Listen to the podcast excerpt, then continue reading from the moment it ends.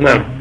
ثم قال على المؤمنين خاصتهم وعامتهم قبل كل ما ورد عنه عليه السلام بنقل العدل عن العدل حتى يتصل به صلى الله عليه وسلم. وإن مما قضى الله علينا في كتابه ووصف به نفسه وورد في السنة بصحة ذلك أن قال الله نور السماوات والأرض ثم قال عقيب ذلك عقيب. عقيب. ذلك نور على نور. وبذلك دعاه صلى الله عليه وسلم أنت نور السماوات والأرض. ثم ذكر حديث ابي موسى حجاب النور أو النار لو كشفه لاحرقت سبحات وجهه من سعى إليه بصره من خلقه. وقال سبحات وجهه جلاله ونوره. نقله عن الخليل وأبي عبيد. وقال عبد الله بن مسعود نور السماوات نور وجهه. ثم قال ومما ورد به النص أنه حي وذكر قوله تعالى الله لا إله إلا هو الحي القيوم والحديث يا حي يا قيوم برحمتك أستغيث. قال ومما تعرف الله إلى عباده أن وصف نفسه أن له وجها موصوفا بالجلال والإكرام فأثبت لنفسه وجها وذكر الآيات ثم ذكر حديث أبي موسى المتقدم وقال في هذا الحديث من اوصاف الله عز وجل لا ينام موافق لظاهر الكتاب لا تأخذه سنة ولا نوم وأن له وجها موصوفا بالأنوار وأن له بصرا كما علمنا في كتابه أنه سميع بصير ثم ذكر الأحاديث في إثبات الوجه. وفي إثبات السمع والبصر والآيات الدالة على ذلك ثم قال ثم إن الله تعالى تعرف إلى عباده المؤمنين أن قال له يدان يدان قد بسطهما بالرحمة وذكر الأحاديث في ذلك ثم ذكر شعر أمية بن أبي الصلت ثم ذكر حديث يلقى في النار وتقول هل من مزيد؟ حتى يضع فيها رجله وهي رواية البخاري وفي رواية أخرى يضع عليها قدمه. ثم ما رواه مسلم البطيء عن ابن عباس أن الكرسي موضع القدمين وأن العرش لا يقدر قدره إلا الله. وذكر قول مسلم البطيء نفسه وقول السدي وقول وهب بن منبه وأبي مالك وبعضهم يقول موضع قدميه وبعضهم يقول واضع رجليه عليه. ثم قال فهذه الروايات قد رويت عن هؤلاء من صدر هذه الأمة موافقة لقول النبي صلى الله عليه وسلم متداولة في الأقوال. متداولة متداولة. متداولة في الأقوال ومحفوظة في الصدر.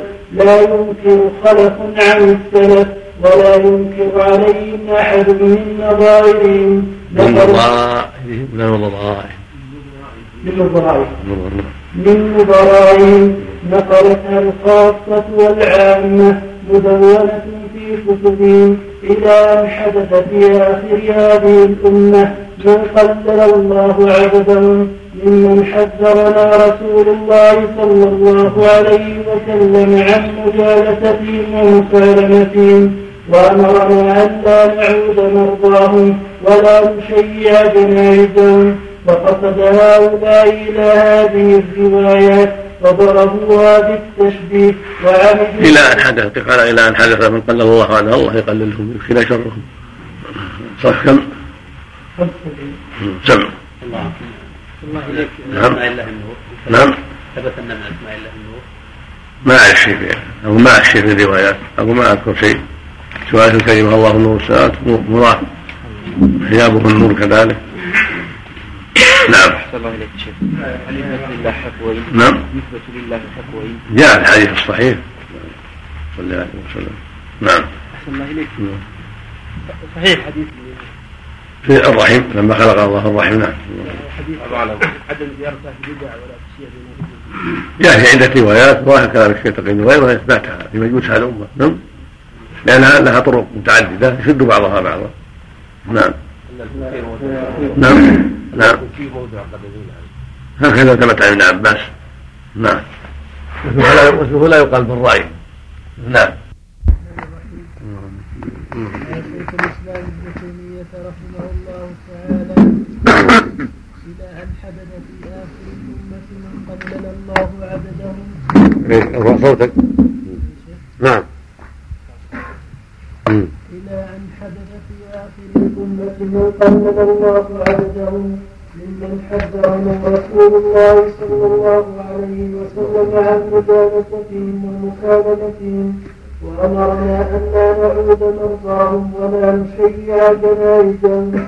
فقصد هؤلاء إلى هذه الروايات فضربوها بالتشبيه وعمدوا إلى الأخبار فعملوا في دفعها إلى أحكام المقاييس وكفر المتقدمين. وأنكروا على الصحابة والتابعين.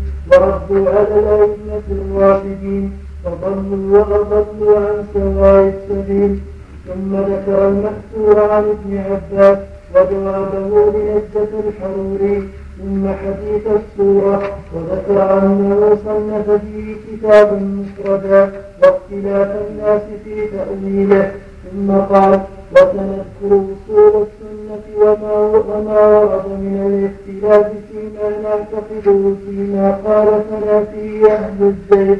وما وافقنا فيه وما وافقنا فيه أصحاب الحديث من المثبتات وما وافقنا فيه وما وافقنا فيه وافقنا وافقنا فيه نعم. وما وافقنا فيه أصحاب الحديث من المثبتة. إن شاء الله.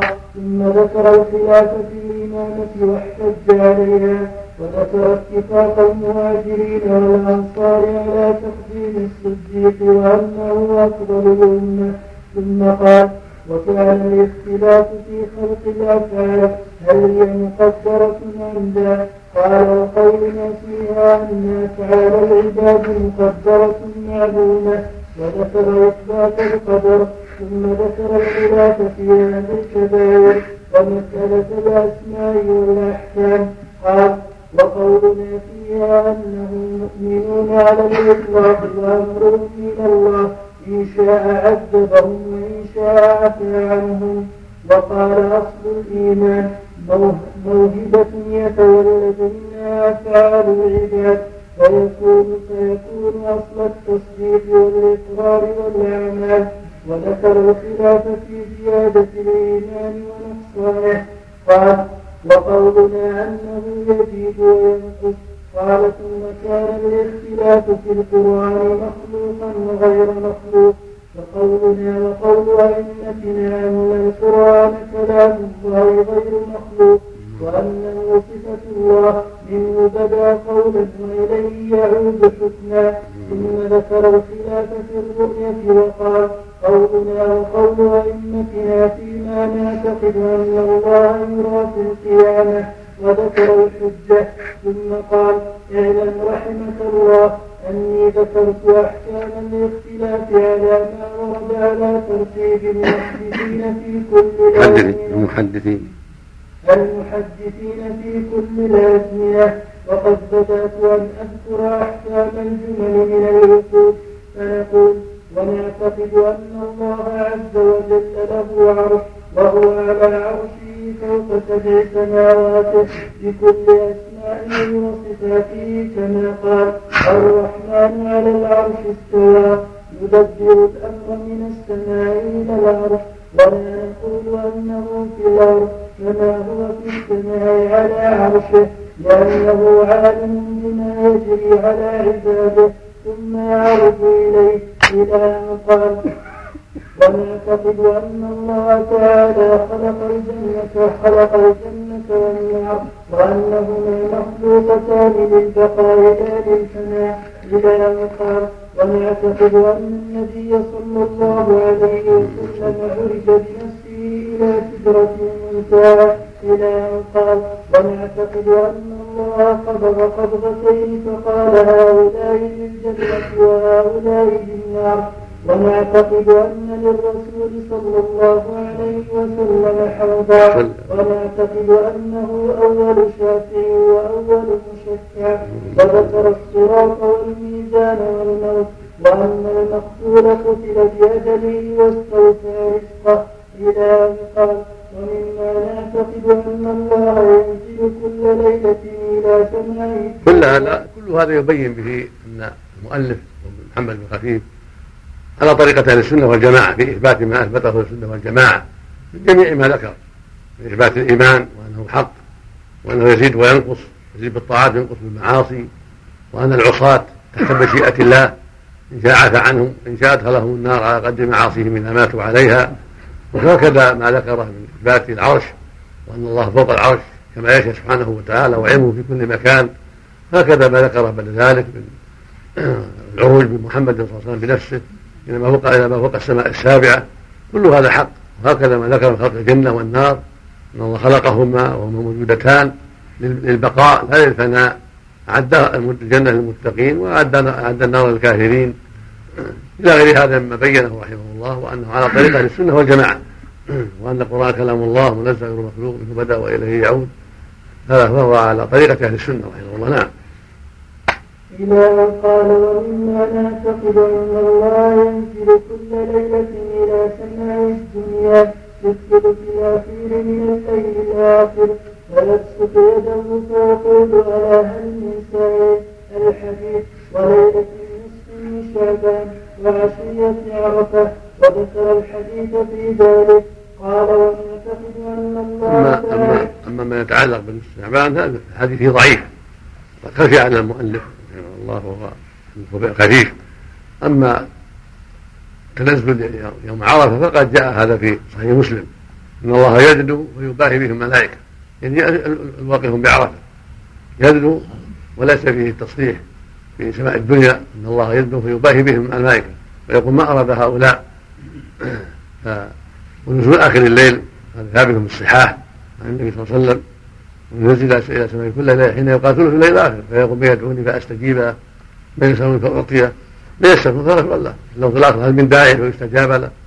هل من سائل فيعطى سؤله هل من تائب فيتابع عليه. كل هذا حق. أما ما يتعلق بنصف شعبان فهو الحديث فيها ضعيف. ولم يثبت في النصف شعبان احاديث لا في قيامها ولا في صوم نهارها ولا في التنزل. كل ما ورد فيها هو ضعيف عند أهل العلم. نعم. يبقى حتى يطلع الفجر نعم. اللهم صل على قبضتين من قبضة الجنة وقبضة النار. يعني خلق أهل الجنة ووفقهم لأعمالها وخلق أهل النار وخذلهم ولم يوفقهم لأعمال أهل الجنة. نسأل الله السلامة. نعم. وللصوم يا شيخ من كان له وردا مثل الاثنين. نعم. للصوم من كان له وردا الاثنين أو الخميس وافق النصف من شعبان في الصوم. يصوم إيه اللي عاد. يصوم. أيام البيض والاثنين والخميس نعم. في شعبان وغيره نعم. ما في شيء نعم. يعني بروحه وجسده. يعني. مو بنوم يقظة. نعم. ونعتقد أن الله تعالى كلم موسى تكليما. بلى ونعتقد إن الله كلم موسى تكليما سم نعم. بسم الله الرحمن الرحيم. قال شيخ الإسلام ابن تيمية رحمه الله تعالى قال الإمام محمد بن خطيب ونعتقد أن الله تعالى كلم موسى تكليما واتخذ إبراهيم خليلا وأن الكل غير الفرق وأن. وأن الكل الفرق نعم. وكما قال أهل ان الله الفقر قال حلة يعني حاجة. هم تأولوا على الحاجة. يعني اتخذه فقير فقيرا وهذا غلط. قل هي المحبة. كان خليلا يعني يحب محبوبا محبة خاصة. كما اتخذ محمد خليلا عليه الصلاة والسلام. والله يحب ويحب جل وعلا. ولكن أهل البدع تأولوها. على إرادة الخير وإرادة الإحسان. هذا غلط. فإن المحبة صفة مستقلة غير الإرادة. تليق بالله على وجه الله سبحانه وتعالى. كما قال عز وجل إن الله يحب المتقين إن الله يحب المحسنين. سوف فسوف يأتي الله بقوم يحبهم ويحبونه. تكررت في القرآن الكريم وجاءت في السنة. نعم. والخلة أعلاها أعلاها وأكملها. نعم. ونعتقد أن الله تعالى خص محمدا صلى الله عليه وسلم بالرؤية واتخذ واتخذه خليلا كما اتخذ إبراهيم خليلا. ونعتقد أن وهذا الذي قاله أبو عبد الله الخفيف في الرؤية مرجوح. الصواب أنه لم يرى ربه عليه الصلاة والسلام ولم يختص بها. بل لم يرى أحد ربه في الدنيا لا محمد ولا غيره. الرؤيا مما ادخرها الله للمؤمنين في الآخرة. قال صلى الله عليه وسلم في الحديث الصحيح واعلموا أنه لن يرى أحد ربه حتى يموت. ولما سئل عن الرؤيا هل رأيت ربك؟ قال رأيت نورا. وفي آخر قال نور أن أراه. هذا هو الصواب. وأنه صلى الله عليه وسلم إنما كلمه ربه كما كلم موسى. أما الرؤيا فلم يره. هذا في الحديث الصحيح حديث موسى حجابه النور. لو كشفه لاحرقت سبحات وجه فانتهى إلى بصره من خلقه سبحانه وتعالى. فالرؤيا لها شأن عظيم. وهي اعلى نعيم أهل الجنة فادخر الله لهم. ادخرها الله لهم في الآخرة. وليست من نعيم الدنيا. الدنيا دار الاكدار والأحزان والمعاصي والكفر والضلال. فليست الرؤيا من نعيم أهلها وإنما هي من نعيم أهل الجنة والسعادة في الآخرة. نعم. نعم. ونعتقد أن الله تعالى اختص بمفتاح خمس من الغيب لا يعلمها إلا الله. والعجب من المؤلف رحمه الله. المصنف كيف؟ سكت عن هذا ولم ينبه عليه. كما لو نبه على ما تقدم من النزول في شعبان. ينبغي تنبه على هذا. هذا ولا هناك هذا ليس بمسلم لا هناك ولا هناك. نعم. حط حاجة الصواب الذي أنه لم يرى ربه لم يرى ربه في الدنيا. حديث نزول شعبان ضعيف. نعم. ونبه على هذا. ابن القيم وغيره نعم. الله أعلم. نعم. على هذا بعموم الآية. وما كان لبشر أن يكلمه الله إلا. كذلك. حجة قائمة. نعم. أو من وراء حجاب نعم. إن الله عنده نعم. بعض المتأخرين والمحققين جمع طرق إن الله ينزل في نصف شعبان. يقول صحيح. من؟ الشيخ ناصر الألباني. يراجع علمي به أنه ليس بصحيح. من قديم تبعته من قديم فليس بصحيح. لكن يراجع جيد. فاروا لهذا الشيء. لكن يراجع قد يغلط في بعض المسائل في بعض الأحاديث. نعم. في رسالة لابن الدنيا في رمضان جمع طرق الحديث من الدنيا. نعم. إيه، مطبوعة. صور هذا. وهذا في الصحيحة ولا في؟ والله أنا راجعت صحيح الجامع لكن ما أدري أن نرجع فيه نعم إيه. يراجع نعم. نعم. في أيضا الشيخ في كتاب حق العلوم لا. ذهبي نعم إيه. نعم. الألباني تكلم عن الحديث في كتاب العلوم يراجع نعم. مثل هذه الأشياء شيخ تثبت إذا كان درجة الحديث من قبل الحسن لغيره. قد يقع قد يقع. لكن باب الصفات باب عظيم أو باب الصفات باب عظيم ليس من من الفضائل. نعم. ينبغي الاعتناء بالاكثر نعم. ونعتقد المسح على الخفين ثلاثة للمسافر ويوم وليلة للمقيم. ونعتقد الصبر على السلطان. ذكر ذكر المسح هنا لأنه يخالف عقيدة الرافضة في إنكار المسح. لهذا ذكر أهل السنة مسح الخفين هنا. وإن كانت مساله فرعية. لكن لما كان أهل الرزق يخالفون فيها أثبتوها في عقائد أهل السنة. نعم. ونعتقد الصبر على السلطان من قريش؟ ما كان من أو عبد ما أقام الصلاة ما أقام الصلاة من الجمع والأعياد. والجهاد معهم باطل إلى يوم القيامة. كذلك من قريش ليس بجيد. وإن كان له الأصل لكن السلطان يصبر عليه ولو من غير قريش. إذا تولى لا يخرج عليه بالمعصيه لا أن تروا كفرا بواحا عندكم من الله في برهان. سواء كان من قريش أو من المماليك أو من أي جنس. وتتولى على الناس ويعوه أو غلب عليهم بسيفه وجب السمع والطاعة له. كما جاء في الأحاديث الصحيحة عن رسول الله عليه الصلاة والسلام. نعم. لكن البيعة الاختيارية تكون لقريش إذا تيسر من يصلح لهذا وأمكن. نعم. والصلاة في الجماعة حيث ينادى لها واجب إذا لم يكن عذر أو مانع والتراويح سنة. ونشهد أن من ترك الصلاة عمدا فهو كافر. والشهادة والبراءة ونشهد ونشهد ونشهد أن من ترك الصلاة عمدا فهو كافر.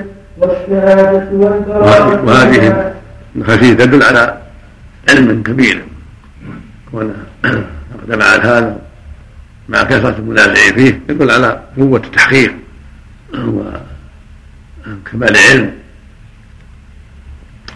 نعم لقوله صلى الله عليه وسلم العدل الذي بينه وبينهم الصلاة من تركها فقد كفر بين بين الرجل وبين الكفر وترك الصلاة. نعم. والصلاة على من مات من أهل القبلة سنة ولا ننزل أحدا جنة يعني ولو كان يعني ولو كان عنده معصية. صلى عليه. صلى من مات في القبلة من أهل الإسلام. صلى عليه وإن كان عنده شيء من المعاصي. ليس من شرط الصلاة على الجنائز أن يكون كاملا أو سليما بل يصلى على الطيب وعلى العاصي. نعم. لأن الصلاة شفاعة تنفعه. قوله شوف الشهادة والبراءة. نعم. قوله الشهادة والبراءة. إيش نعم والشهادة والبراءة بدعة نعم. والصلاة على من مات من أهل القبلة سنة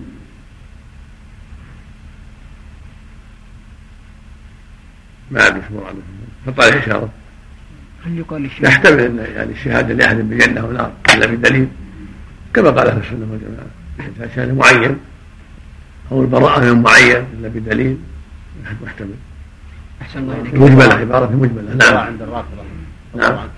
البراءة عند الرافضة يتبرؤون من أبي بكر وعمر لا ليس مرءا لعنه الله ذكر هذا بن الطحاوي ذكر هذا أن البراءة بدعة والشهادة بدعة نعم فسر بأن البراءة. براءة مم. ممكن. أحسن الله إليك الشهيد هل يقال إنه شهيد؟ يقال نعم ما ما يختص بالكفار امرأة من الأولياء إلا منكر العام حتى من غير عمر الرافضة خص بها نعم يقال للشهيد هذا شهيد؟ نعم هل استشهد أو كذا؟ نعم إذا قتل في سبيل الله مظلوما شهيد في الحكم الشرعي يقال أما فيما بينه وبين الله الله يتولى سبحانه. لكن شهيد لا يقتل لا يقتل ولا يصلى عليه إذا قتل في سبيل الله شهيدا. يشهد إنه شهيد. نعم. الخمسة التي لا يعلمها إلا الله ما يقال من معرفتهم الجنين ذكر وأنثى هذا بعدما يتخلق بعدما يعني الله الملك كي يخلقه ذكر بعد ما طلع عليه الملك صار العلم مشترك معه من خصائص الله. هذا ممكن. بالآلات أن يطلع على شيء من هذا بعد التخليق. أما قبل ذلك فلا. نعم. ولا ننزل أحدا جنة ولا نارا حتى يكون الله ينزلون والمراء والجدال في الدين بدعة ونعتقد أن ما شجر بين أصحاب رسول الله صلى الله عليه وسلم بعد ما نعتقد نعم انما شر بين اصحاب رسول الله رضي الله عنه سم نعم. تقاربا. ظاهر على التفسير. قد يكون المراء أشد. قد يكون إذا اشتد صار مراء نعم بسم الله الرحمن الرحيم شيخ الإسلام ابن تيمية رحمه الله تعالى. قال الإمام أبو عبد الله محمد بن خفيف ونعتقد أن ما شجر بين أصحاب رسول الله صلى الله عليه وسلم أمرهم إلى الله ونترحم على عائشة ونترضى عنها والقول في اللفظ والمنتوب وكذلك في الاسم والمسمى بدعة والقول في الإيمان والقول في الإيمان مخلوق أو غير مخلوق بدعة واعلم أني ذكرت اعتقاد أهل السنة على ظاهر ما ورد عن الصحابة والتابعين مجملا من غير استقصاء. إذ تقدم القول إذ تقدم القول من مشايخنا المعروفين من أهل الإبادة والديانة. إلا أني أحببت أن أذكر عقود أصحابنا المتصوفة فيما أحدثته طائفة نسبوا إليهم ما قد تخرصوا من القول بما نزه الله تعالى المذهب وأهله من ذلك. إلى أن قال وقرأت لمحمد بن قصده من هذا بيان عقيدة أهل السنة والجماعة التي تلقوها عن سلف الأمة من الصحابة وأن هؤلاء الذين يسوون إلى التصوف من أهل الزهد والورع والاستقامة ليسوا على حال المتأخرين الذين غيروا وبدلوا. المقصود هو أن التصوف قسم قسم ساروا عن نهج السلف ونسب إلى التصوف منهم من نسب لورعه وزهده وإقباله على العبادة. ولكنه متمسك بطريقة أهل السنة والجماعة كالجنيد وأبي سلمان الداراني والشيخ وأشباههم من أهل الصدق. أما الذين أحدثوا وغيروا وبدلوا وأحدثوا بدعا كثيرة هؤلاء ليسوا منهم في الحقيقة. نعم. نعم. من أهل السنة نعم. الطائفة الأولى نعم. يعني قول لفظ القرآن مخلوق وغير مخلوق. لأن هذا فيه إجمال. ولهذا أنكر السلف على من قال هذا. ولكن صرحوا صوتي. صوتي مخلوق وأما القرآن فهو غير مخلوق. يوضح لا يجمل. نعم. إلى أن قال وقرأت لمحمد بن جرير الطبري في كتاب سماه التفسير كتب بذلك إلى أهل طبرستان في اختلاف عندهم وسألوه أن يصنف لهم ما يعتقد ويذهب إليه. فذكر في كتابه اختلاف القائلين برؤية الله تعالى. فذكر عن طائفة إثبات الرؤية في الدنيا والآخرة. ونسب ونسب هذه المقالة إلى الصوفية قاطبة لم يخص طائفة. فبين فبين أن ذلك على جهالة منه بأقوال المخلصين منهم. وكان من نسب إليه ذلك القول بعد أن ادعى على الطائفة ابن أخت عبد الواحد بن زيد. والله أعلم محله عند المخلصين. فكيف بابن أخته؟ وليس إذا أحدث الزائق في نحلته قولا نسب إلى الجملة. كذلك في الفقهاء والمحدثين. ليس من أحدث قولا في الفقه وليس فيه حديث يناسب ذلك. ينسب ذلك إلى جملة الفقهاء والمحدثين واعلم أن لفظ الصوفية وعلومهم تختلف ويطلقون ألفاظهم على موضوعات لهم ومرموزات وإشارات تجري فيما بينهم فمن لم يداخلهم على التحقيق ونازل ما هم عليه رجع عنهم وهو خاتم حسير ثم أطلق ثم ذكر إطلاقهم لفظ الرؤية.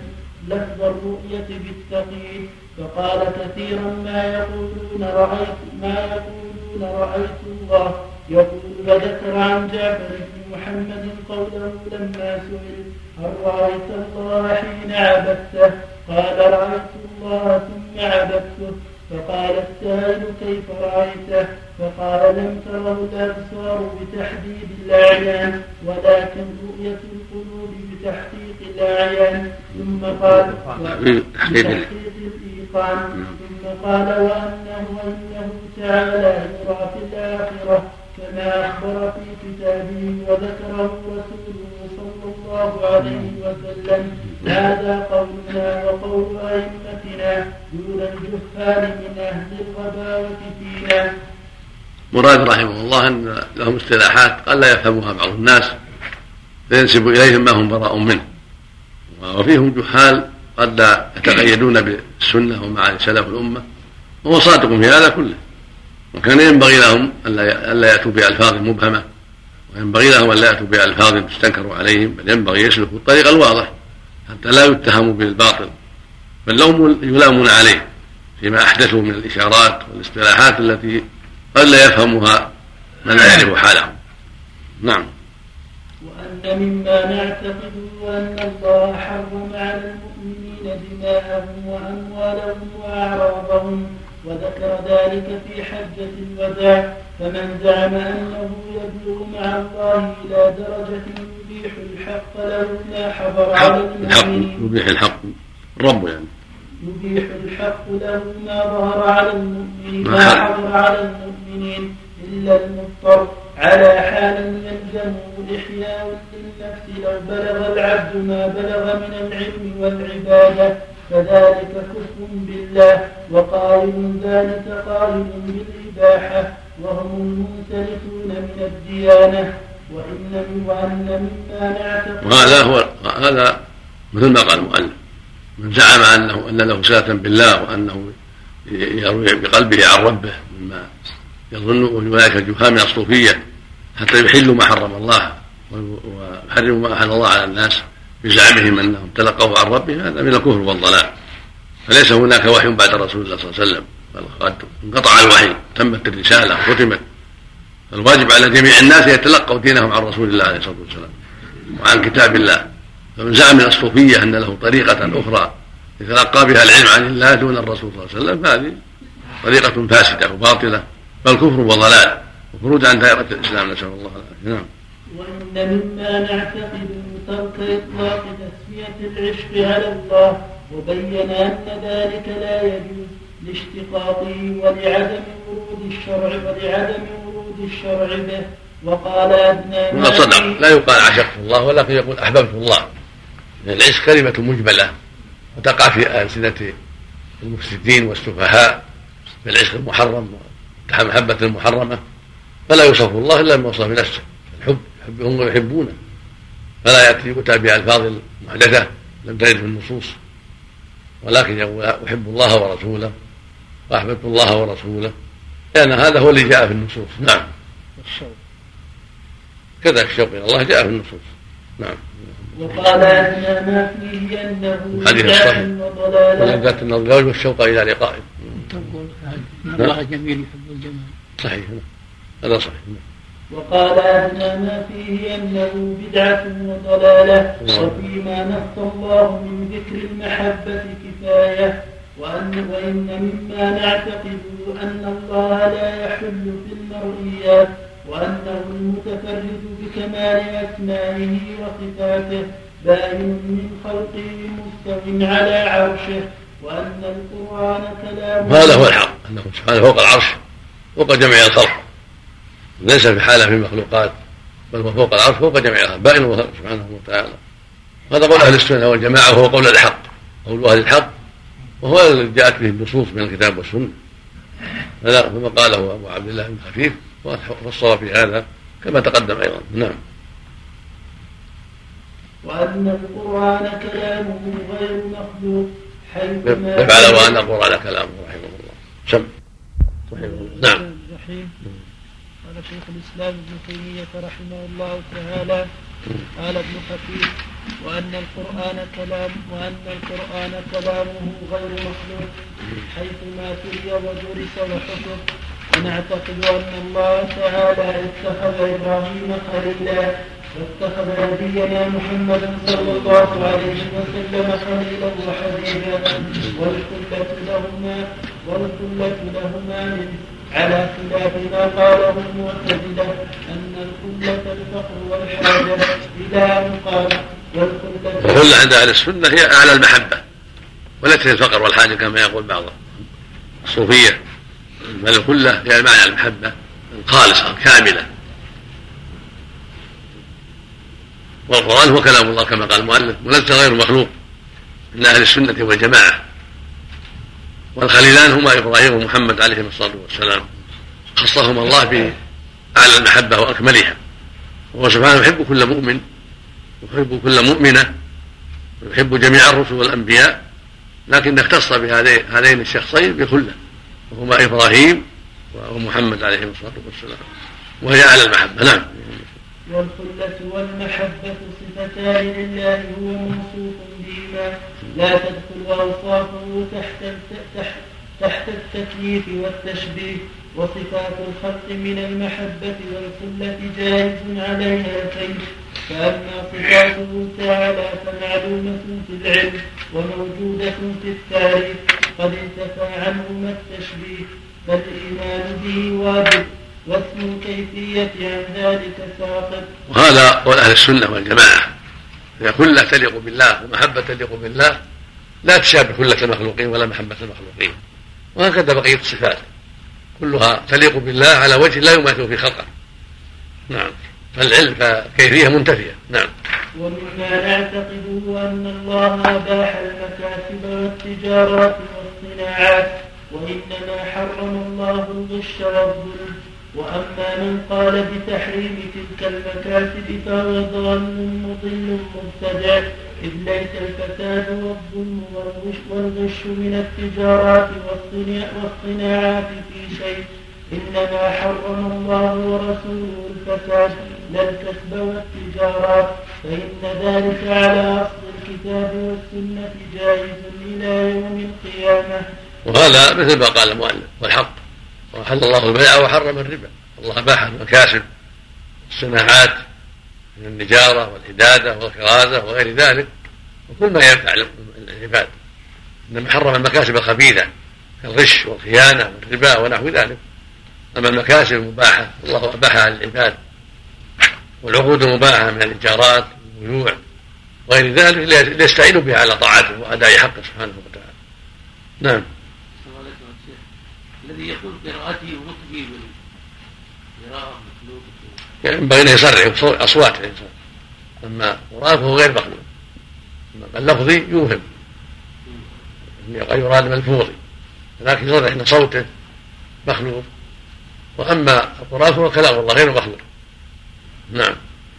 وأن مما نعتقد أن الله لا يأمر بأكل الحلال ثم يلزمهم الوصول إليه من جميع الجهات لأن ما طالبهم به موجود. إلى يوم القيامة والمعتقد أن الأرض تخلو من الحلال والناس يتقلبون في الحرام فهو مبتدع ضال وهذا من التكلف وسوء الظن. الله أباح الحلال وأمر به وهو موجود بحمد الله. وزعم أنه انتزع من الأرض فقد غلط وضل الحلال موجود. يجده من طلبه بالمكاسب الشرعية المباحة. نعم. إلا أنه يقل في موضع ويكثر في موضع لا أنه مفقود من الأرض. ومما نعتقده أن إذا رأينا من ظاهره جميل لا نتهمه في مكتبه وماله وطعامه. ومما نعتقده ومما نعتقده أن إذا رأينا من ظاهره جميل من من ظاهره؟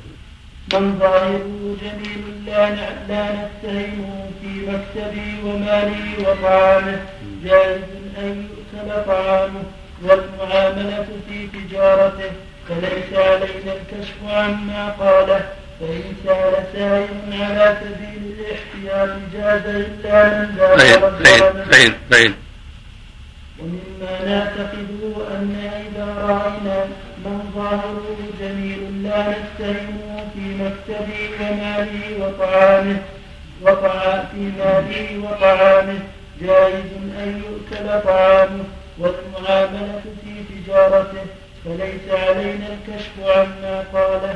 فإن سال سائل على سبيل الاحتياط جاز إلا من داخل الظلمة.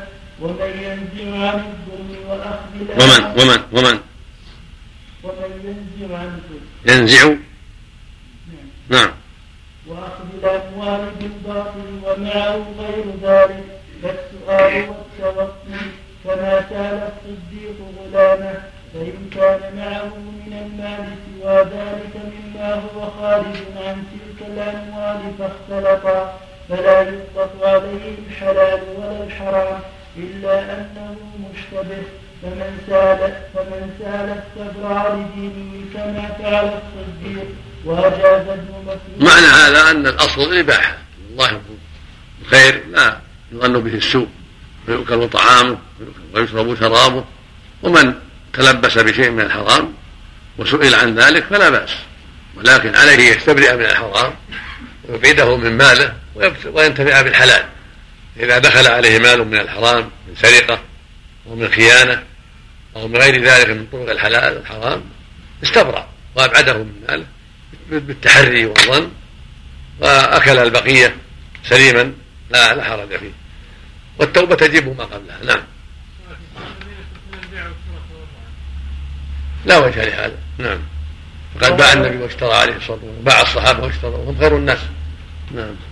وأجاز ابن مسعود وسلمان الأكل منه وعليه التبعة والناس طبقات والدين الحنيفية السمحة وإنا من وإن مما نعتقد أن العبد ما دام على وإن الناس طبقات فيهم الطيب والخبيث فيهم الصالح والطالح فيهم من يتهم ومن لا يتهم المؤمن يتحرى الخير وينصح لله ولعباده ولا بأس أن يسعى عند وجود الريبة سم. صلى الله إليك إذا كانت يعرف أنه يتعامل بالربا أو يبيع آلات محرمة أو عنده محل السري أو غنى هل يتورع من الدخول عليه أو يقال اختلط ماله؟ الواجب ينكر عليه فيستحق الهجر أقل شيء استحباب الهجر حتى يتوب من أعماله السيئة ظاهره الفسق يستحق أن يهجر اختلفوا في الوجوب نقول يستحق أن يهجر إذا كان الهجر ينفع فان كان الهجر لا ينفع فإنه يوالى عليه النصح والتوجيه والإنكار حتى يستقيم. وإذا اختلط بالحلال خلى الحلال بالحرام جاز الاكل لأنه لا يعلم أين الحرام. نعم. نعم لو صنع بمعروف مثل هذا المجاهد المعصية هل مثلا تكافئه على معروف بالهداية والتوفيق تكافئه على معروف نعم. نعم بسم الله الرحمن الرحيم قال تيميه رحمه وان مما نعتقد ان العبد ما احكام الدار وإن وإن. وإن وإن مما نعتقد أن العبد ما دام أحكام الدار جارية عليه فلا يسقط عنه الخوف والرجاء وكل من ادعى الأمن فهو جاهل بالله وكل وكل من ادعى الأمن فهو جاهل رد رد قال ابن كثير قال ابن كثير نعم. وإن مما نعتقد أن العبد ما دام أحكام الدار جارية عليه. ما دام. ما دام ما دام. ما دامت ما دام ما في بأس نعم. ما دام أحكام الدار جارية عليه. بالنص بالنص جارية عليه فلا يسقط عنه الخوف والرجاء وكل من ادعى الأمن فهو جاهل بالله وبما أخبر به عن نفسه ولا يأمن مكر الله إلا القوم الخاسرون. وهذا كلام صحيح. إن العبد ما دام ما دامت أحكام العبادات والتكليف جاريا عليه فإن الواجب عليه يخاف ويرجو. وليس له أن يأمن وليس له أن يقنط بل يكون بين الرجاء والخوف. ما دام عقله معه ما دام دامت احكام التكليف جارية. أما إذا ذهب عقله هرم يعني خرف ذهب عقله أو جن سقط عنه هذا. لكن ما دام عقله معه فإنه عليه أن يخاف ويرجو. فلا يجوز له أن يقنط بسبب معاصيه وليس له أن يأمن بسبب طاعاته ويعجب بنفسه ويظن ويقول إنه ناجي بل يخاف ويرجو. يسير إلى الله بين الخوف والرجاء. يسأل الله أن يتقبل منه وان يعيذه من غضبه وأسباب العذاب ويرجو رحمة ربه جل وعلا. هذا هو الواجب على المؤمن. ولهذا حكى الله جل وعلا أهل الخير من الأنبياء والصالحين قال سبحانه إنهم كانوا يسارعون الخيرات ويدعون رغبا ورهبا وكانوا لنا خاشعين. قال في أهل الصلاح اولئك الذين يدعون يبتغون ربهم ايهم أقرب ويرجون رحمته ويخافون عذابه. هكذا الرسل وأتباعهم. نعم. وقد أفردت كشف عورات من وقد أفردت كشف عورات من قال بذلك. قد افردتم بعذاب الاخرى مش بعده؟ فهو كافر لا محالة إلا من اعتراه علة أو رأفة فصار معتوها أو مجنونا أو مبرسما. وقد اختلط عقله أو لحقه أو لحقه غشية يرتفع عنه بها أحكام العقل. غشية صلى الله عليه غشية يرتفع عنه بها أحكام العقل وذهب عنه التمييز والمعرفة فذلك خارج عن الملة مفارق للشريعة. ومن زعم الإشراف على الخلق يعلم وهذا اللي قاله ابن خبير صحيح أيضا قاله أهل العلم. من زعم أنه بعلمه أو بدرجة من العلم أو بمنزلة من العلم أو بوصف يتصف به من العلم يخرج عن التكليف ويبقى حرا له يفعل ما يشاء لا يصلي ولا يصوم ولا هو يزني ولا هو يفعل كل شيء.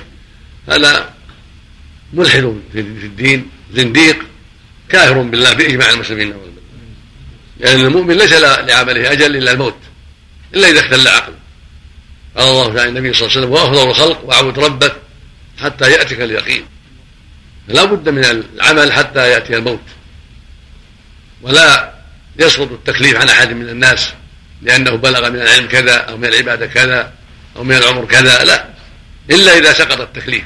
إذا جن أو خرف تغير عقله سقط التكليف حينئذ. وأما أن في منزلة من العلم كما تقول يقول بعض الصوفية يسقط عنهم التكاليف فله يفعل ما يشاءون من المعاصي وله يدع الصلوات والصيام هذا هذا جنون هذا بلاء. هذا من الكفر البواح بالله نعم. ومن زعم الاشراف على الخلق يعلم مقاماتهم ومقدارهم عند الله بغير الوحي المنزل من قول رسول الله صلى الله عليه وسلم فهو خارج عن الملة. ومن ادعى أنه يعرف مال الخلق ومنقلبهم وعلى ماذا يموتون عليه ويختم لهم بغير الوحي من قول الله وقول رسوله. فقد باء بغضب من الله والفراسة حق. وهذا حق وهذا مثل ما قال المؤلف. من زعم أنه يشرف على أمور الخلق ومقاماتهم ويعرف منازلهم عند الله غير الوحي هذا ضال مضل كافر ملحد يدعي علم الغيب هكذا من يزعم أنه يعلم أمور الناس ومتى يموتون ومتى يبعثون كل هذا ردة عن الإسلام. لأن الله يقول قل لا يعلم من في السماوات والأرض الغيب إلا الله. ويقول جل وعلا لنبيه صلى الله عليه وسلم قل لا أملك لنفسي نفعا ولا ضرا إلا ما شاء الله. ولو كنت أعلم الغيب لاستكثرت من الخير. وما مسني السوء ثم قال إن أنا إلا نذير وبشير لقوم يؤمنون. من زعم له اشراف على الخلق وأنه موكل بالخلق وأنه يعلم أحوالهم واوقات موتهم ونهاية آجالهم وانه يعلم مصيرهم عند الله ومنازلهم. هذا إما مجنون من المجانين والمعاتي وإما زنديق مرتد كافر نسأل الله العافية. نعم. وهذا حق وهذا مثل ما قال المؤلف. من زعم أنه يشرف على أمور الخلق ومقاماتهم ويعرف منازلهم عند الله غير الوحي هذا ضال مضل كافر ملحد يدعي علم الغيب. هكذا من يزعم أنه يعلم أمور الناس ومتى يموتون ومتى يبعثون كل هذا ردة عن الإسلام. لأن الله يقول قل لا يعلم من في السماوات والأرض الغيب إلا الله. ويقول جل وعلا لنبيه صلى الله عليه وسلم قل لا أملك لنفسي نفعا ولا ضرا إلا ما شاء الله. ولو كنت أعلم الغيب لاستكثرت من الخير. وما مسني السوء ثم قال إن أنا إلا نذير وبشير لقوم يؤمنون. ومن زعم له إشراف على الخلق وأنه موكل بالخلق وأنه يعلم أحوالهم وأوقات موتهم ونهاية آجالهم وانه يعلم مصيرهم عند الله ومنازلهم. هذا إما مجنون من المجانين والمعاتي وإما زنديق مرتد كافر نسأل الله العافية. نعم. والفراسة حق كيف على الفراسة نعم. بسم الله الرحمن الرحيم. لا حول ولا قوة إلا بالله. هذه غرائب عند الصوفية عند جمع من الصوفية يقع في هذه البلاوي والمحن أعوذ بالله نعم. نسأل الله العافية. نعم. نعم. نعم. نعم نعم. إذا كان يدعي الإسلام فهو مرتد. نعم. بسم الله الرحمن الرحيم قال شيخ الاسلام ابن تيميه رحمه الله تعالى قال ابن خفيف والفراسة حق على رسول ما على رسول ما ذكرناه وليس ذلك مما رسلناه في شيء ومن زعم. ان صفاته تعالى ومن زعم. ومن زعم أن صفاته أن صفاته تعالى بصفاته ويشير في ذلك إلى غير آية العظمة والتوفيق والهداية. ومن ومن زعم. ومن زعم أن صفاته صفاته بالكسر أن صفاته تعالى بصفاته ويشير في؟ ذلك أن صفاته كصفات؟ أو إيش؟ بصفاته. أن صفاته بصفاته وش العبارة؟ وخر عنك التلفون شو اسمه المكبر لبس يقول ومن زعم؟ ومن زعم أن صفاته تعالى بصفاته ويشير في ذلك إلى غير آية العظمة والتوفيق والهداية. في نسخة أخرى. ها؟ كذا عندكم. أن صفاته بصفاته. ها؟ معنى بصفاته معنى وأشار إلى صفاته عز وجل القديمة فهو حلولي قائل باللاهوتية والامتحان وذلك كفر لا محالة. ونعتقد أن الأرواح هي عبارة مجملة وأنه يشير بهذا أن صفاته كصفاته يعني كصفات المخلوقين أو أنها متصفة بصفات المخلوقين يعني أن الخالق حل في المخلوق. هذا لا شك أنها الإلحاد مزندقة نعوذ بالله نعم. لكن العبارة فيها بعض القلق. نعم. ما وجدت نسخة خطية؟ شيخ غدان نسخة خطية عندك؟ لو تمسكوا. صلح العبارة هذه. نعم. ونعتقد أن الأرواح المقصود من هذا كله أن الواجب بيان أن صفات الرب غير صفات المخلوقين. وأن الله سبحانه بصفاته بائن من خلقه مستقل عن خلقه فوق عرشه فوق جميع الخلق لا تشبه صفاته صفات خلقه. بل هو سبحانه الكامل في ذاته وفي جميع صفاته منزه عن مشابهة المخلوق في كل شيء. كما قال عز وجل ليس كمثله شيء وهو السميع البصير ولم يكن له كفوا أحد. وإنما ذكرت الإشارة في بعض الأحاديث الصفة من باب التحقيق كما ذكر عند إذا مسه على اصبع والأرض على اصبع ويشير إلى أصابع يعني من باب التحقيق انها أصابع حقيقة وهكذا إذا إلى العين وإلى السمع. المراد إثبات أنه حق وأن سمع حقيقة بصر حقيقة إصبع حقيقة يد حقيقة وليس المراد التشبيه والتمثيل. نعم. ونعتقد أن الأرواح كلها مخلوقة. ومن قال أنها غير مخلوقة فقد ضاع قول النصارى عن المسؤولية في ذلك وذلك كفر بالله العظيم. ومن قال إن شيئا من صفات وذلك لأن الأرواح جملة من خلق الله خلقها سبحانه الله خالق كل شيء.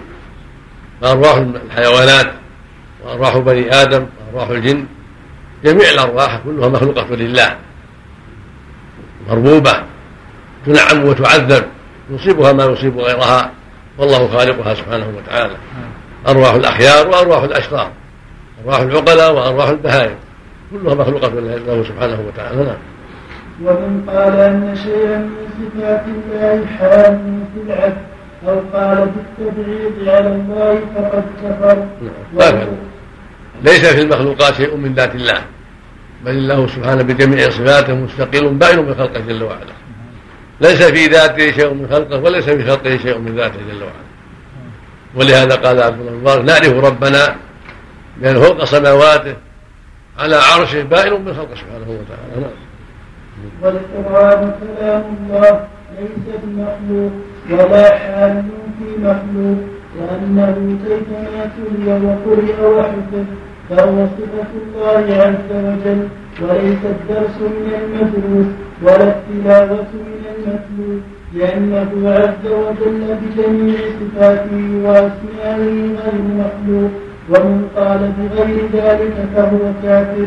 يعني أن القرآن هو كلام الله وإن كان في الصدور حالا في الصدور من جهة الحفظ فليس هو كلام المخلوقين فإن المخلوق ينقل يتلوه على أنه كلام الله يحفظه على أنه كلام الله يكتبه على أنه كلام الله يسمعه على أنه كلام الله. فكيفما تصرف فهو كلام الله عز وجل. مقروءا محفوظا مكتوبا مسموعا هو كلام الله من جميع النواحي. أنزله على نبيه صلى الله عليه وسلم. نعم. ونعتقد أن القراءه الملحنه بدعة وضلالة وأن القصائد بدعة ومجراها على قسمين.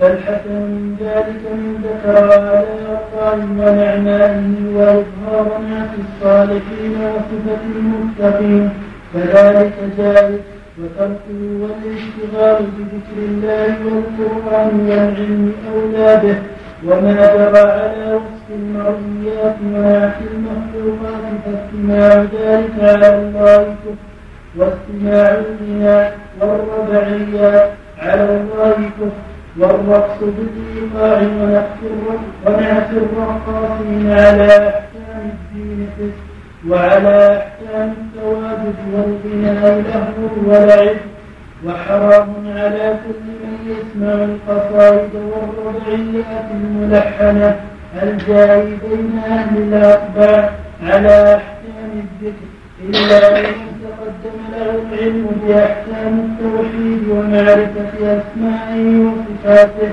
وما يضاف الله تعالى من ذلك وما لا, وما لا يليق به عز وجل مما هو منزه عنه فكيف استماعه فيكون استماعه كما قال الذين يستمعون القول فيتبعون احسنه الآية وكل من جهل ذلك وقصد استماعه على الله على غير تفصيله فهو كفر لا محالة. فكل من جمع القول وأصغى بالإضافة إلى الله فغير جائز إلا لمن عرف إلا لمن عرف بما وصف من ذكر الله ونعمائه وما هو موصوف به عز وجل مما ليس للمخلوقين فيه نعت ولا وصف.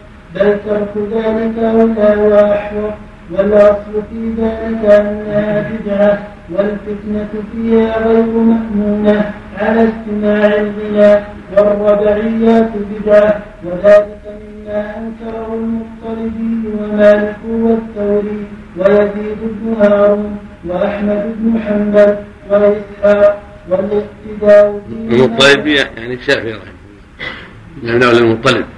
وهذه العبارات فيها بعض الإجمالات ومراده أن التلحين في القرآن هو تمغيط والزيادة في الكلام لا لا يجوز لأنه يخرج القرآن عن موضعه وإنما المشروع الترتيل والعناية بإعطاء الحروف حقها أما يلعى التلحين الذي يخرج القرآن عن وضعه بالزيادات الكثيرة أو تشبيهه بالأغاني وتضييع أوقات الناس في غير طائل هذا ممنوع.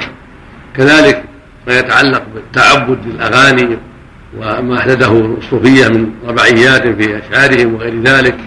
إن كان ذلك على وجه التعبد ذكر المؤلف رحمه الله أنه كفر لأن استحلال لما حرم الله من البدع منكرة التي أجمع العلماء على إنكارها. وكل من استحل ما حرم الله مما أجمع عليه المسلمون كاستحلال الزنا والخمر يكون كفرا أكبر. نسال والتعبد بهذه البدع من البدع أيضا التعبد بالرقصات والأغاني في مدح فلان وفلان مدح النساء أو غير ذلك هذا أيضا من البدع وهو من المنكر.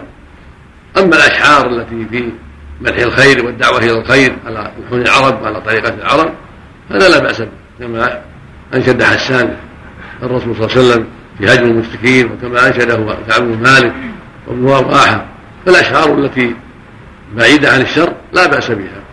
فالشر حسنه حسن وقبيحه قبيح مراد بهذا التفصيل في هذه الأمور وإن كان عبارته فيها بعض الإجمال لكن مراده التفصيل في هذه الأمور. رحمه الله. نعم. نعم. كان البيات عند الصوفية كان يعني على على نمط آه، أربعة يعني فواصل يعني. رباعية يعني مهم ثنائية ولا ثلاثية. كأنها أربعة يعني كل شطر مستقل نعم حتى يكون البيت على أربعة أقسام نعم كأنه يريد هذا والله. نعم. المطلبي الشافعي نعم. نعم. نعم. ما في مانع إذا كان شرعي سليم ما في شيء. نعم. ان من الشعر حكمة. نعم. ما ينبغي ما ينبغي أن يكون سمحا في الأذان لا يطول. لا لا يبغض نعم. نعم. استشهاد بعض النحاة بعض الأبيات الرديئة. نعم. بعض النحاة استشهاد بأبيات رديئة. إذا كان عن العرب مقصوده النحو فقط. لا ينظر من باب الفائدة من جهه القواعد العربية. مع التنبيه على ما فيها من الخطأ. نعم. والاقتداء بهم أولى من الاقتداء بمن لا يعرفون في الدين ولا لهم قدم عند المخلصين وبلغني أنه قيل لبشر بن الحارث إن أصحابك قد أحدثوا شيئا يقال له القصائد. فقال مثل أيش قال مثل قولي اصبري يا نفس حتى تسكني دار الجليد فقال حسن وأين يكون هؤلاء الذين يستمعون ذلك؟ قال قلت ببغداد فقال كذبوا والله الذي لا إله غيره لا يسكن ببغداد من يستمع ذلك. قال أبو عبد الله ومما نقول وهو قول أئمتنا إن الفقير إذا احتاج وصبر ولم بارك بارك سم بسم الله الرحمن الرحيم. قال شيخ الإسلام ابن تيمية رحمه الله تعالى وقال أبو عبد الله ومما نقول وهو قول أئمتنا إن الفقير إذا احتاج وصبر ولم يتكفف إلى وقت يفتح إلى وقت يفتح الله له كان أعلى فمن عجز عن الصبر كان السؤال أولى به على قوله صلى الله عليه وسلم لأن يأخذ أحدكم حبله الحديث ونقول إن ترك المكاسب غير جائز. إلا ويقول نعم. ويقول ونقول إن ترك المكاسب غير جائز إلا بشرائط موسومة من التعفف والاستغناء عما في يد الناس. ومن جعل السؤال حرفة وهو صحيح فهو مذموم في الحقيقة خارج ونقول إن المستمع إلى الغناء وهذا وهذا هو الحق فإن المؤمن مأمور بالعمل والكسب مثل ما قال النبي صلى الله عليه وسلم احرص على ما ينفعك واستعن بالله. قال لا يأخذ أحد لا يأخذ لا يأخذ لا يأخذ أحد حبله فيأتي بحزمه حطب إلى ظهره فيبيعها فيكف بها وجه خير من سؤال الناس. أعطوه ومنعوه فلما أي الكسب أطيب. قال عمل الرجل عمل الرجل بيده وكل بيع مبرور. قال أفضل ما أكل أحد طعام إن أفضل ما أكل أحد من طعام من عمل يده وكان النبي داود يأكل من عمل يده. ما أكل أحد طعاما أفضل من أن يأكل من عمل يده وإن النبي الله داود كان يأكل من عمل يده رواه البخاري. فلا ينبغي له ترك العمل ينبغي له يتسبب ويعمل ولا يسأل الناس. سأل سؤال الناس مذموم إلا عند الضرورة. وإذا تعفف وصبر على القليل ولم يسأل الناس كان أفضل. إلا أن تدعو الضروره إلى ذلك. ولهذا في حديث سمره المسألة كد يكد بها الرجل وجهه. إلا يسأل الرجل سلطانا أو في أمر لا بد منه. خرج الترمذي وصححه وجماعه فالحاصل أنه ينبغي له العمل والكسب طلب الحلال حتى يستغني عن الناس. فاذا اضطر إلى السؤال فلا بأس بقدر الحاجة. نعم. ونقول إن المستمع إلى الغناء والملاهي فإن ونقول إن المستمع إلى الغناء والملاهي فإن ذلك كما قال عليه السلام الغناء ينبت النفاق في القلب وإن لم يكفر فهو فسق لا محالة. ونقول ونقول. ونقول إن المستمع إلى الغناء والملاهي فإن ذلك كما قال عليه السلام الغناء ينبت النفاق في القلب وإن لم يكفر فهو فسق لا محالة. معنى في هذا أن الاستماع الأغاني وآلات الملاهي من الفسق من المعاصي ومن أسباب مرض القلب والنفاق. وأما نسبته هذا إلى النبي صلى الله عليه وسلم هذا وهم. معروف أنه من كلام مسعود رحمه الله. ولكن المؤلف كان غفل عن ذلك ولهذا نسبه النبي صلى الله عليه وسلم. والمعروف أنه من كلام مسعود. لا ينبت النفاق في القلب كما ينبت الماء البقي نعم. يعني وسيلة ما في حديث ما في أثر مسعود ينبت النفاق في القلب. المعاصي بريد الكفر مثل ما المرض بريد الموت. قد تجره المعاصي إلى وقوع الكفر نعوذ بالله ومنها الغنى والملاهي. قد يستردها حتى توقعه في الكفر نسأل الله العافية. نعم. الله المؤلف ما تعرض النقول هذه العظيم تساهل فيه المؤلف رحمه الله في تقييد نعم. علق عليه لا ما علق عليه فلا علق عليه هذا الآخر لما يعرف عن المسعود رضي الله عنه الموقوف. نعم. يعني حرام يحتمل أن المؤلف حين كتبها أراد أن أو يأتي شيء في اخره نعم يحتمل أو أراد أن يكتب شيء فلا يكتب رحمه الله. نسي ما نقل طال النقل طال عنه رحمه الله. نعم. استماع الغنى حرام. ولا نعم. استماع الغنى حرام. نعم. الغالب والملاهي من نقبح السيئات من وسائل الشر الله. نعم. والذين اختاروا قول أئمتنا إن ترك المراء في الدين والكلام في الإيمان مخلوق أو غير مخلوق ومن زعم أن الرسول صلى الله عليه وسلم واقف مؤدي وأن المرسل إليهم أفضل فهو كافر. ومن زعم ومن زعم. نعم. نعم ومن ومن زعم أن الرسول صلى الله عليه وسلم واثق يؤدي واثق؟ نعم. إيش؟ يؤدي. واثق؟ واثق واثق؟ واثق يؤدي. واسط نعم. نعم. ومن زعم نعم. ومن زعم أن الرسول صلى الله عليه وسلم واثق يؤدي وأن المرسل إليهم أفضل فهو كافر واسطة صلح واسطة ما عندهم. نعم. مم. فهو كافر بالله ومن قال بإسقاط الوسائط على الجنة. وهذا لا شك يعني. فهو كافر تنقص ظاهر من يقول المرسل اليهم أفضل من الرسول. هذا كلام لا يقوله عاقل. نعم. هل يقال تقول أحد هذا؟ لا سمع ما بلغنا عن لا- لعل قال بعض الصوفية. نعم. مم. بس واسطة المؤدي بس بس فقط. يعني مهمته ان يؤدي فقط. لا فضل له. عليه نعم. نعم. ومن قال بإسقاط الوسائط على الجنة فقد كفر. نعم. انتهى كلامه. ومن متأخر وهذا واضح.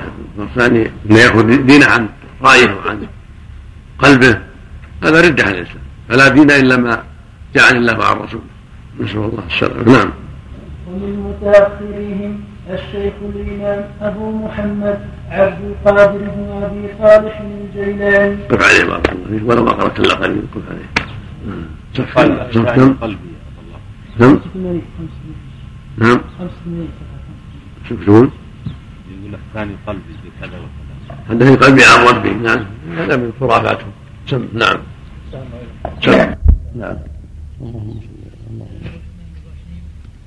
قال شيخ الاسلام ابن تيميه رحمه الله تعالى اللهم متأخريهم الشيخ الإمام أبو محمد عبد القادر بن أبي صالح الجيلاني قال في كتاب الغنية أما معرفة الصانع بالآيات والدلالات على وجه الاختصار فهو أن يعرف ويتيقن أن الله واحد أحد. كم؟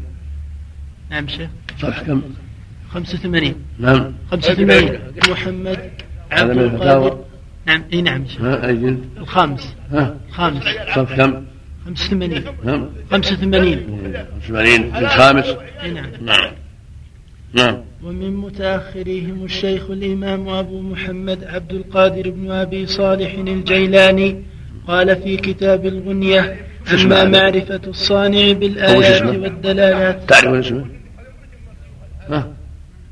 من ماجد من ماجد. سألوا عن عمر سألوا عن اسمه لأجل هذا من هذا هذا يسمى مع المجانين. كل ساعة يصيح. نعم. أو هذا مجنون مسكين من المجانين. نعم. نعم. قال في كتاب الغنية أما معرفة الصانع بال- بالآيات والدلالات على وجه الاختصار فهو أن يعرف ويتيقن أن الله واحد أحد إلى أن قال وهو بجهة وهو بجهة العلو مستو على العرش محتو على الملك محيط علمه بالأشياء إليه يصعد الكلم الطيب والعمل وهذا علم عظيم وفقه عظيم. فرق بين هذا وهذا. مستوى العرش ومحيط بكل شيء. محتوى على كل شيء. يعني هو مالك كل كل شيء. والاستواء غير غير الاستيلاء وغير الملك. بين ما مذهب أهل السنة والجماعة في هذا. وأن الاستواء غير الاستيلاء وغير الملك وغير إحاطة العلم. هذا هو الحق. استوى على العرش إني على وفوق العرش وارتفع فوق العرش سبحانه وتعالى وجه يليق بجلاله. لا يشابه خلقه في استوائهم وغير الاستيلاء وغير الملك وغير الإحاطة بالعلم. علمه محيط بكل شيء. نعم. إليه يصعد الكلم الطيب والعمل الصالح يرفعه. يدبر الأمر من السماء إلى الأرض ثم يعرج إليه في يوم كان مقداره ألف سنة مما تعدون ولا يجوز وصفه بأنه في كل مكان بل يقال إنه في السماء على العرش كما قال الرحمن على العرش استوى. وذكر آيات وأحاديث إلى أن قال وينبغي إطلاق صفة الاستواء من غير تأويل وأنه استواء الذات على العرش. قال وكونه على العرش مذكور في كل كتاب أنزل على كل نبي أرسل بلا كيف. وذكر كلاما طويلا لا يحتمله هذا الموضع. وذكر في سائر الصفات نحو هذا. ولو ذكرت ما قاله العلماء في هذا لطال الكتاب جدا. وقال أبو عمر ابن عبد البر روينا عن مالك بن أنس وسفيان الثوري وسفيان بن عيينة والأوزاعي ومعمر بن راشد في أحاديث الصفات أنهم كلهم قالوا أمروا أنهم كلهم قالوا أنهم أنهم كلهم قالوا أنا ما قرأتها أولا. أنهم كلهم قالوا أمروها كما جاءت. قال أبو عمر ما جاء عن النبي صلى الله عليه وسلم من نقل من نقل الثقات أو جاء عن أصحابه رضي الله عنهم فهو علم يدان به وما أحدث بعدهم ولم يكن له أصل اسمه ابن بن عبد البر اسمه هو هو وفاته متى؟ ما ذكر شيء. أنت أقول أنت أسأل. الإخوان اسمه ووفاته نعم.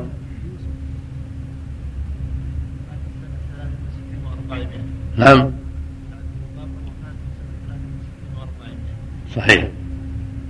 عبد الله بن محمد بن يوسف بن عبد البر. عبد الله بن محمد. نعم رحمه الله. نعم.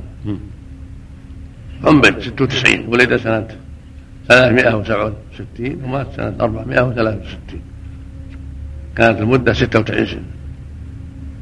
رحمه الله. عمر وصنف وألف الكتب العظيمة رحمه الله. نعم. وما أحدث بعدهم ولم يكن له أصل فيما جاء عنهم فهو بدعة وضلالة. وقال في شرح الموطأ لما تكلم على حديث النزول قال هذا حديث ثابت النقل صحيح من جهة الإسناد ولا يختلف أهل الحديث في صحته وهو منقول من طرق سوى هذه. من أخبار العدول عن النبي صلى الله عليه وسلم وفيه دليل على أن الله في السماء على العرش استوى من فوق سبع سماوات كما قالت الجماعة وهو من حجتهم على المعتزلة في قولهم إن الله تعالى في كل مكان بذاته المقدسة. قال والدليل على صحة ما قال أهل الحق قول الله وذكر بعض الآيات إلى أن قال وهذا أشهر وأعرف عند العامة والخاصة من أن يحتاج إلى أكثر من حكايته لأنه اضطرار لم يوقفهم عليه أحد ولا أنكره عليهم مسلم. وقال أبو عمر ابن عبد البر أيضا أجمع علماء الصحابة والتابعين. أعد شطرا وقال والدليل على صحة ما قال أهل الحق قول الله وذكر بعض الآيات إلى أن قال وهذا أشهر وأعرف عند العامة والخاصة من أن يحتاج إلى أكثر من حكايته. أكثر. إلى أكثر من حكايته لأنه اضطرار لم يوقفهم عليه أحد ولا أنكره عليهم لا مسلم. يوقف- يوقفهم عليه غلط يوقفهم. يعني ما قال لهم هذا وهذا. بل اضطر بل عرفوه بالفطرة. نعم. الله. نعم. وقال أبو عمر بن عبد البر أيضا. اسمه يوسف بن عبد الله بن محمد. نعم. أجمع الله نسبه يوسف.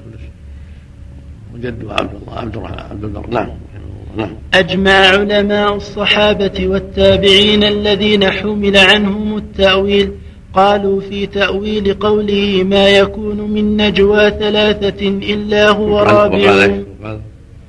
وقال- أبو عمر بن عبد البر أيضا نعم. أجمع علماء الصحابة والتابعين الذين حمل عنهم التأويل قالوا في تأويل قوله ما يكون من نجوى ثلاثة إلا هو رابعهم هو على العرش وعلمه في كل مكان وما خالفهم في ذلك من يحتج بقوله وقال أبو عمر أيضا أهل السنة مجمعون على الإقرار بالصفات الواردة كلها في القرآن والسنة والإيمان بها وحملها على الحقيقة لا على المجاز إلا أنهم لا يكيفون شيئا من ذلك ولا يحدون فيه صفة محصورة. وأما أهل البدع هذا كلام عظيم كلام رحمه الله كله كلام عظيم كلام رزين قوي موافق للحق رحمه الله. نعم. وأما أهل البدع الجهمية والمعتزلة كلها والخوارج فكلهم ينكرونها ولا يحملون شيئا منها على الحقيقة ويزعمون أن من أقر بها مشبه وهم عندهم من وهم عند من أقر بها نافون للمعبود. والحق فيما قاله القائلون بما نطق به كتاب الله وسنة رسوله صلى الله عليه وسلم وهم أئمة الجماعة. هذا كلام ابن عبد البر إمام أهل المغرب وفي عصره الحافظ أبو بكر البيهقي مع توليه للمتكلمين من أصحاب أبي الحسن الأشعري وذبه عنهم. قال في كتاب الأسماء والصفات باب ما جاء في إثبات اليدين بسبب ميله إلى الأشعريين. حصل له من الأغلاط ما حصل. ابن عبد هذا أعلم من مذهب أهل السنة وأسلم منه وأعلم وأكبر شأنا والبيهقي رحمه الله له علم وله حفظ وله دراية عظيمة ولكنه وقعت له أغلاط في التأويل. بسبب توليه الأشعريين أصحاب أبي الحسن الأشعري. نعم. اللهم المستعان. باب ما جاء في إثبات اليدين صفتين لا من حيث الجارحة لورود خبر الصاد. باب, باب باب ما جاء في إثبات اليدين صفتين لا من حيث الجارحة الزيادة هذه ما دخلت عليها نعم. لورود, الصاد لورود خبر الصادق به. قال الله تعالى يا إبليس ما منعك أن تسجد لما خلقت بيدي؟ وقال سم نعم. نعم.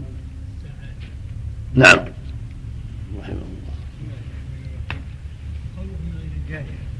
هذا ما ما ما جاء في النصوص. نفيها ولا إثباتها. إثبات اليدين وإثبات الصفات من غير نفي ولا إثبات الجارية نعم. سم نعم. حاضر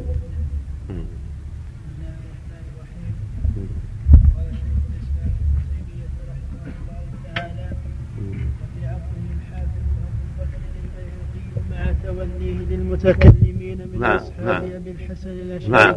وفي وفي نعم. مع توليه وفي عصره.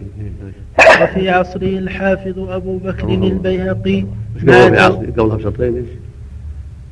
انتهى كلام ابن عبد البر.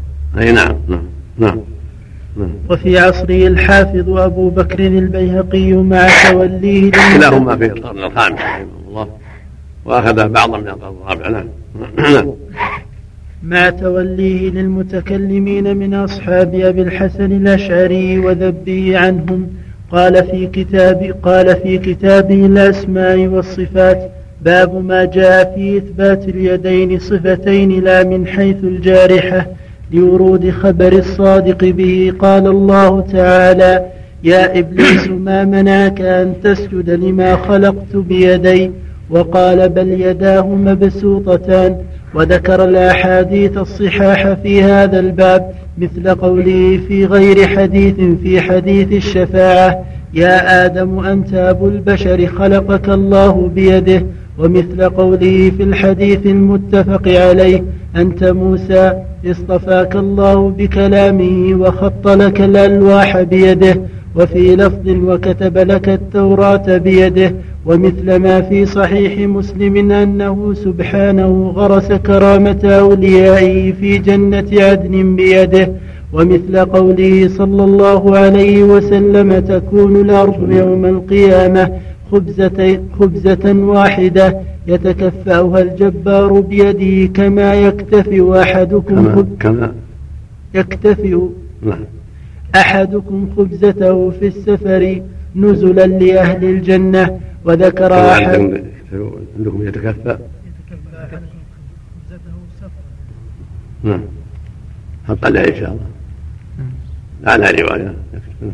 وذكر أحاديث مثل قوله بيدي الأمر والخير في يديك والذي نفس محمد بيده وأن الله يبسط يده بالليل ليتوب مسيء النهار ويبسط يده بالنهار ليتوب مسيء الليل.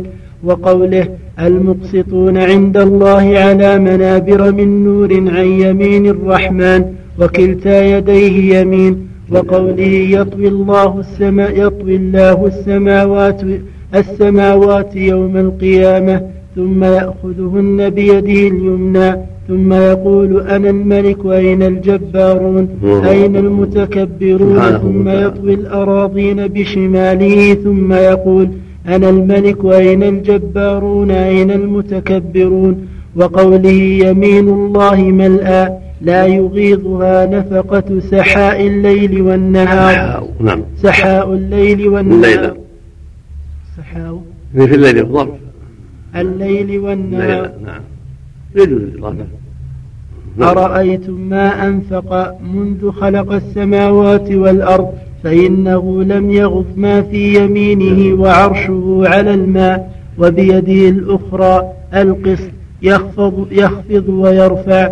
وكل هذه الأحاديث في الصحاح وذكر أيضا قوله إن الله لما خلق آدم قال له ويداه مقبوضتان اختر أيهما شئت قال اخترت يمين اخترت يمين ربي وكلتا يدي ربي يمين مباركة وحديث إن الله لما خلق آدم مسح على ظهره بيده إلى أحاديث أخر ذكرها إلى, إلى أحاديث أخر نعم. ذكرها من هذا النوع. ثم قال البيهقي أما المتقدمون من هذه الأمة فإنهم لم يفسروا ما كتبنا من الآيات والأخبار في هذا الباب. وكذلك قال في الاستواء على العرش وسائر الصفات الخبرية مع أنه يحكي قول بعض المفسرون لم يتأولوها المفسرون لم يتأولوها. بل كما جاءت من غير تأويل مع الإيمان بها وأنها حق صفات لله جل وعلا بلا كيف. كما قالوا في الاستواء قالوا في غير ذلك هذا هو قول أهل السنة والجماعة خلاف خلاف المتكلمين المتاولين نعم. وقال القاضي أبو يعلى في كتابه إبطال التأويل لا يجوز رد البيهقي وقع له أشياء من التأويل تبع فيها الأشاعرة وغلط فيها رحمه الله. والذي عليه أهل السنة والجماعة هو ترك التأويل. والإيمان بجميع الصفات والأسماء الثابتة في القرآن الكريم وفي السنة المطهرة إيمانا ليس معه تأويل. بل يمرونها كما جاءت بلا كيف. مع الإيمان بمعناها وأنها حق وأنها صفات لله لائقة بالله سبحانه يد حقيقة قدم حقيقة سمع عقيل إلى غير ذلك. لكن لا يشابه خلقه في شيء من صفاته جل وعلا. ليس كمثله شيء وهو السميع البصير سبحانه وتعالى. نعم.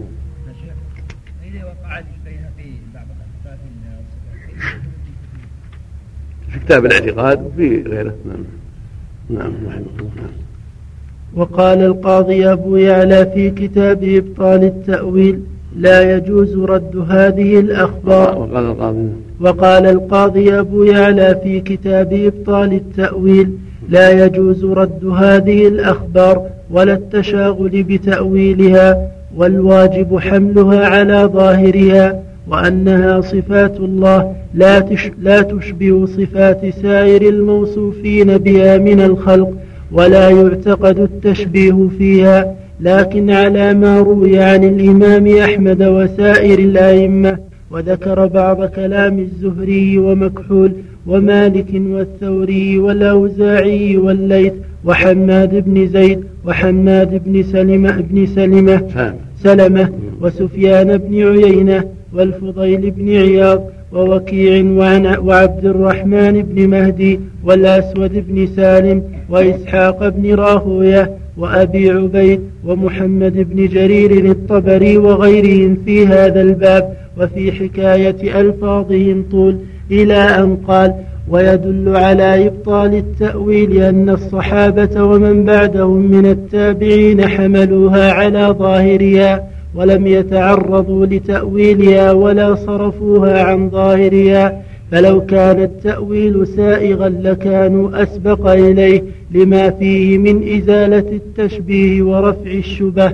وقال أبو الحسن علي بن إسماعيل الأشعري المتكلم صاحب الطريقة المنسوبة إليه.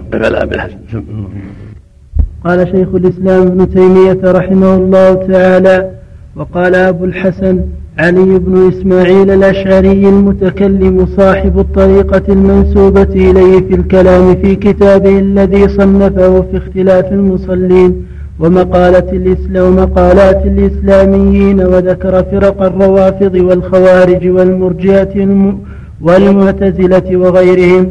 ثم قال مقالة أهل السنة وأصحاب الحديث جملة قول أصحاب الحديث وأهل السنة. الإقرار بالله وملائكته وكتبه ورسله وبما جاء عن الله تعالى وما رواه الثقات عن رسول الله صلى الله عليه وسلم.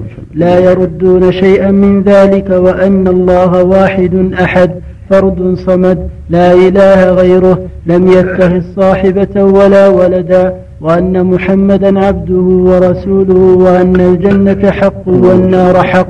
وأن الساعة آتية لا ريب فيها وأن الله يبعث من في القبور وأن الله على عرشه كما قال الرحمن على العرش استوى وأن له يدين بلا كيف كما قال خلقت بيدي وكما قال بل يداه مبسوطتان وأن له عينين بلا كيف كما قال تجري بأعيننا. وأن له وجها كما قال ويبقى وجه ربك ذو الجلال والإكرام. وأن أسماء الله تعالى لا يقال أنها غير الله كما قالت المعتزلة والخوارج. وأقروا أن لله علما. كما قال أنزله بعلمه وكما قال وما تحمل من أنثى ولا تضع إلا بعلمه. وأثبتوا له السمع والبصر ولم ينفوا ذلك عن الله كما نفته المعتزلة. وأثبتوا لله القوة كما قال أولم يروا أن الله الذي خلقهم هو أشد منهم قوة؟ وذكر مذهبهم في القدر إلى أن قال ويقولون إن, إن القرآن كلام الله غير مخلوق والكلام في اللفظ والوقف ومن قال باللفظ وبالوقف فهو مبتدع عندهم. لا يقال اللفظ بالقرآن مخلوق ولا يقال غير مخلوق ويقرون أن الله يبالغ الإيهام والتوقف من أهل كلام البدع القرآن كلام الله وليس غير مخلوق منه بدأ وإليه يعود. وقول السلف لا لا يقال لفظ بالقرآن مخلوق ولا لفظ بغير مخلوق. لأن فيه إجمالا. فإذا أراد باللفظ الصوت فهو مخلوق. وإن أراد باللفظ الملفوظ به في القرآن فهو غير مخلوق. كلام الله عز وجل. ولهذا أنكروا هذا وهذا لئلا يتخذ وسيلة على رأي الجهمية والمعتزلة.